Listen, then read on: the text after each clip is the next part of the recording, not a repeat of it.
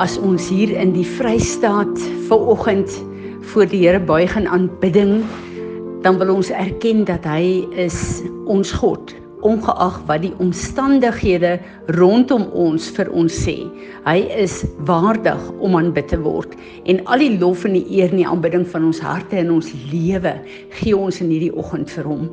Dis 'n moeilike tyd vir ons boere want uh reën is besig om geweldig baie skade te veroorsaak en dan is dit baie moeilik om in die nag te lê en te hoor dit stort reën terwyl ons Vader vertrou vir sonskyn om hierdie situasie om te keer.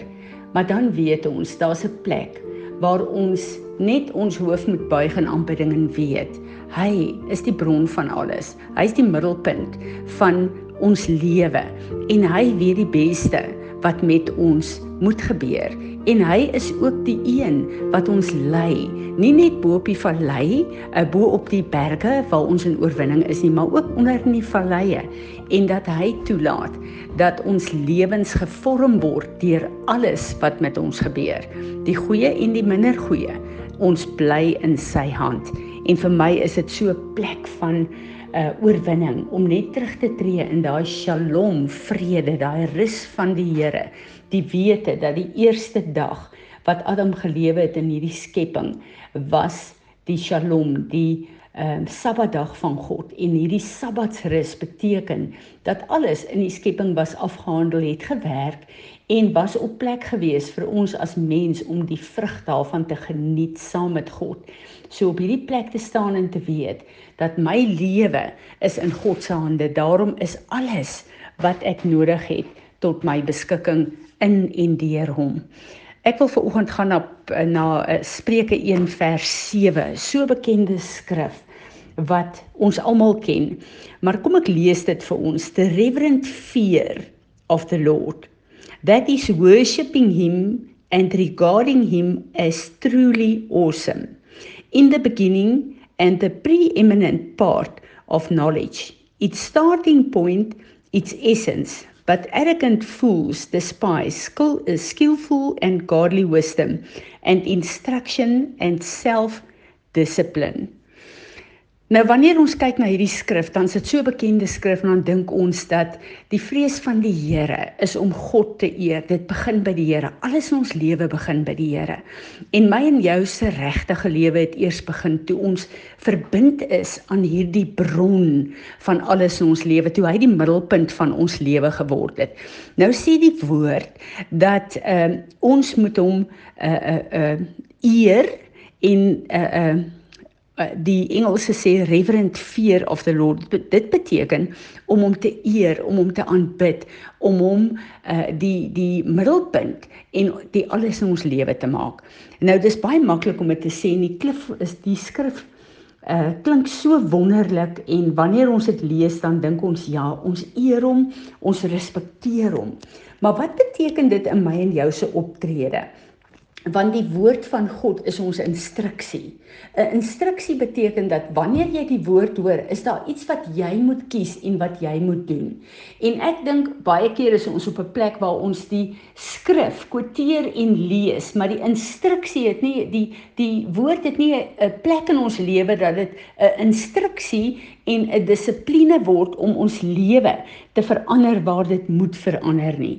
En uh, in hierdie stadium van my lewe is die Here besig om my terug te vat na wat is die seën van die Here? Ons wil almal graag hê die Here moet ons seën. Ons wil in elke gebied wil ons geseën word en dis God se hart om dit te doen.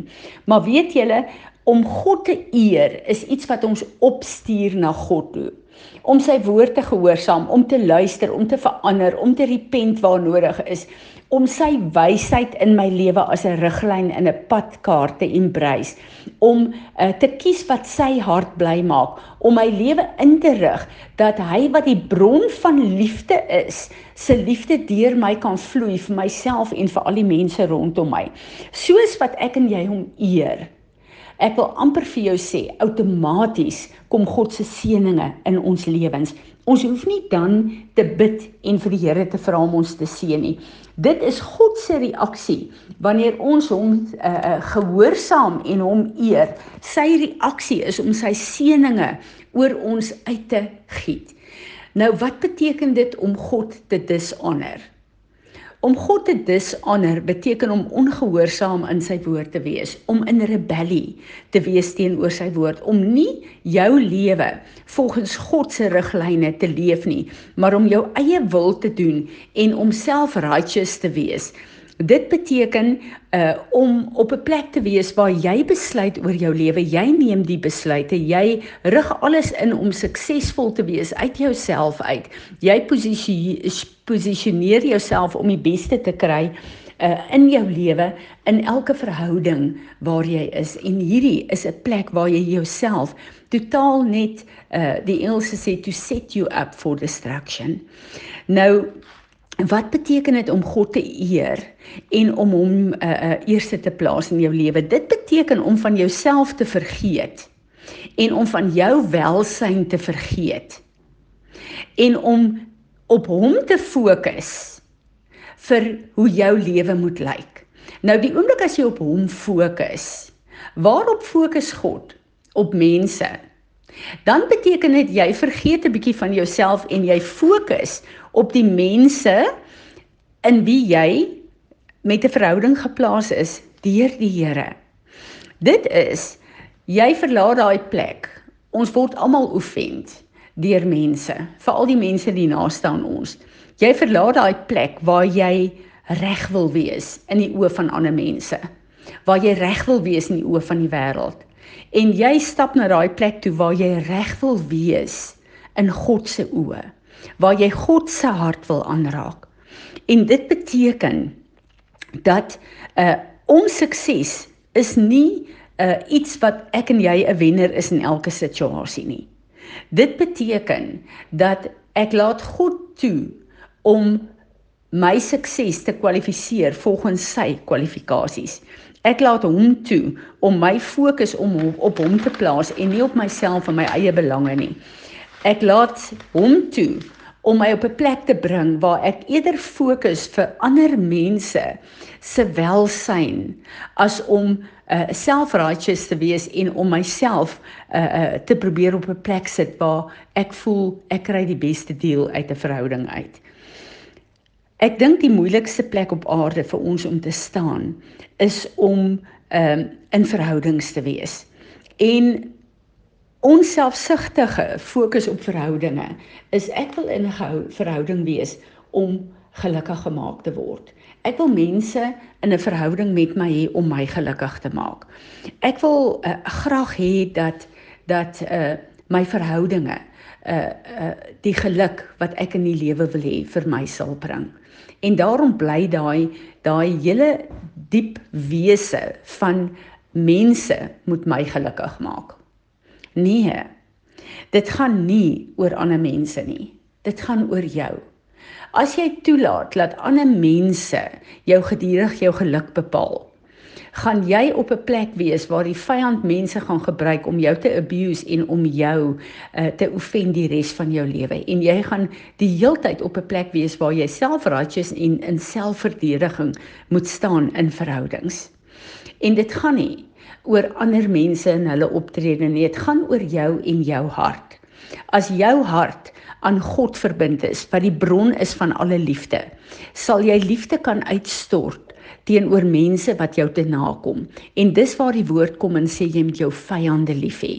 Ek en jy kan nie dit doen uit onsself uit nie. Want ons kyk na wat mense aan ons doen. Ons kan dit net doen as God se bron van liefde deur ons kan begin vloei.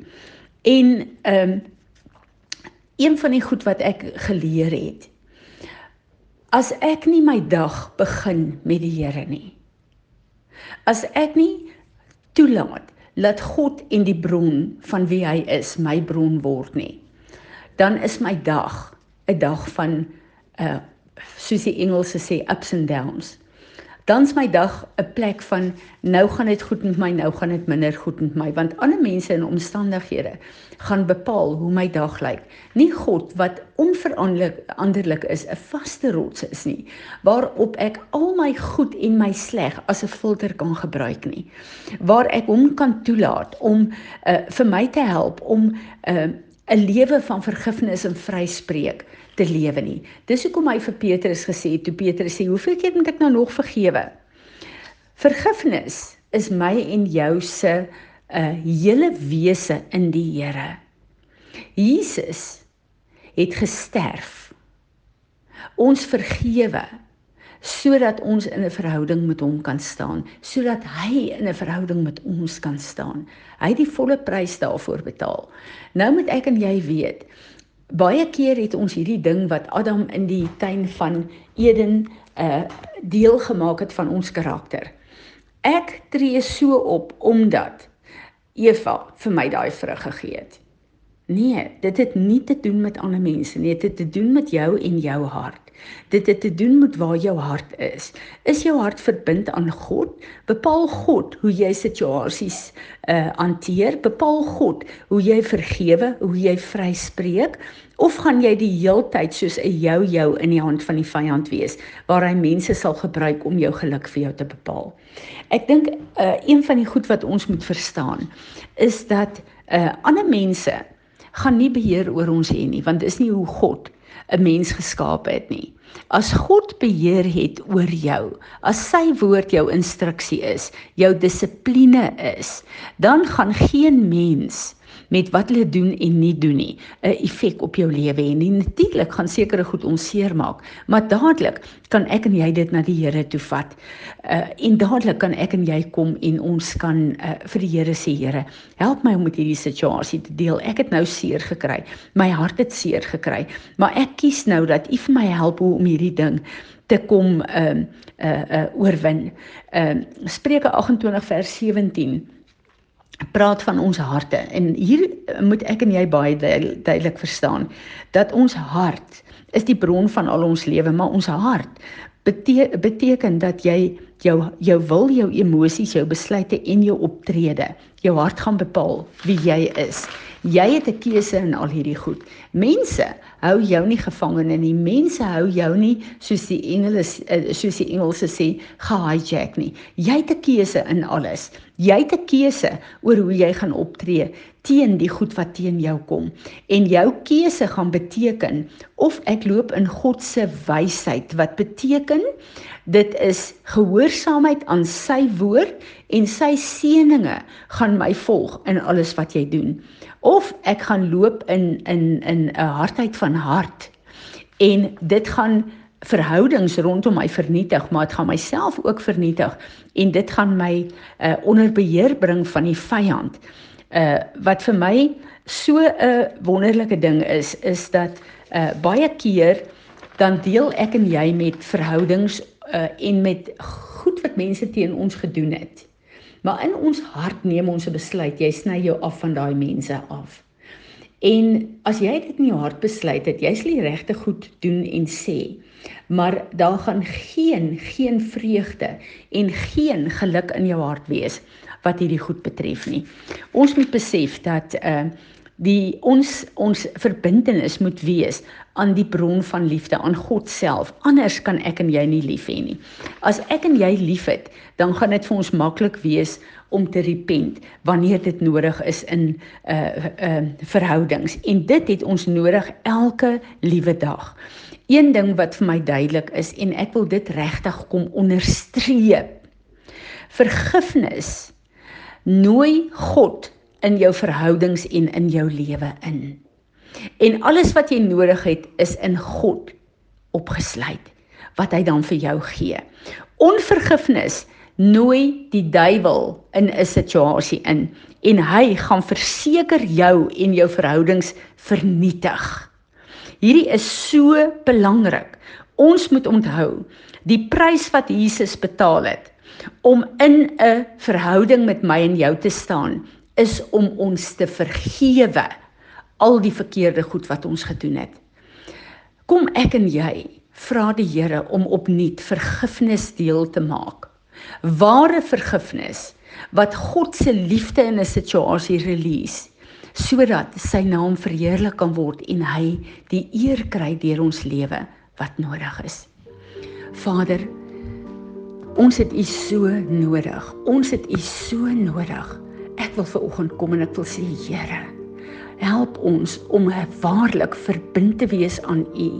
Help ons om in gehoorsaamheid in u goddelike wysheid te wandel. Help ons om u woord te sien nie net as 'n woord wat goed klink nie, maar as die instruksie wat ons lewe moet verander, sodat ons die sukses kan wees wat u ons aarde toe voorgestuur het, wat Jesus op Golgotha volbring het. Here, red ons van onsself. Help ons om nie self-righteous te wees nie. Vergewe ons waar ons ons eie welsyn stel bo die welsyn van ander, maar daardeur dat ons u hart seermaak. Vergewe ons, help ons, Heilige Gees, kom u en kom leer ons opnuut hoe om te lewe in nederige afhanklikheid van u.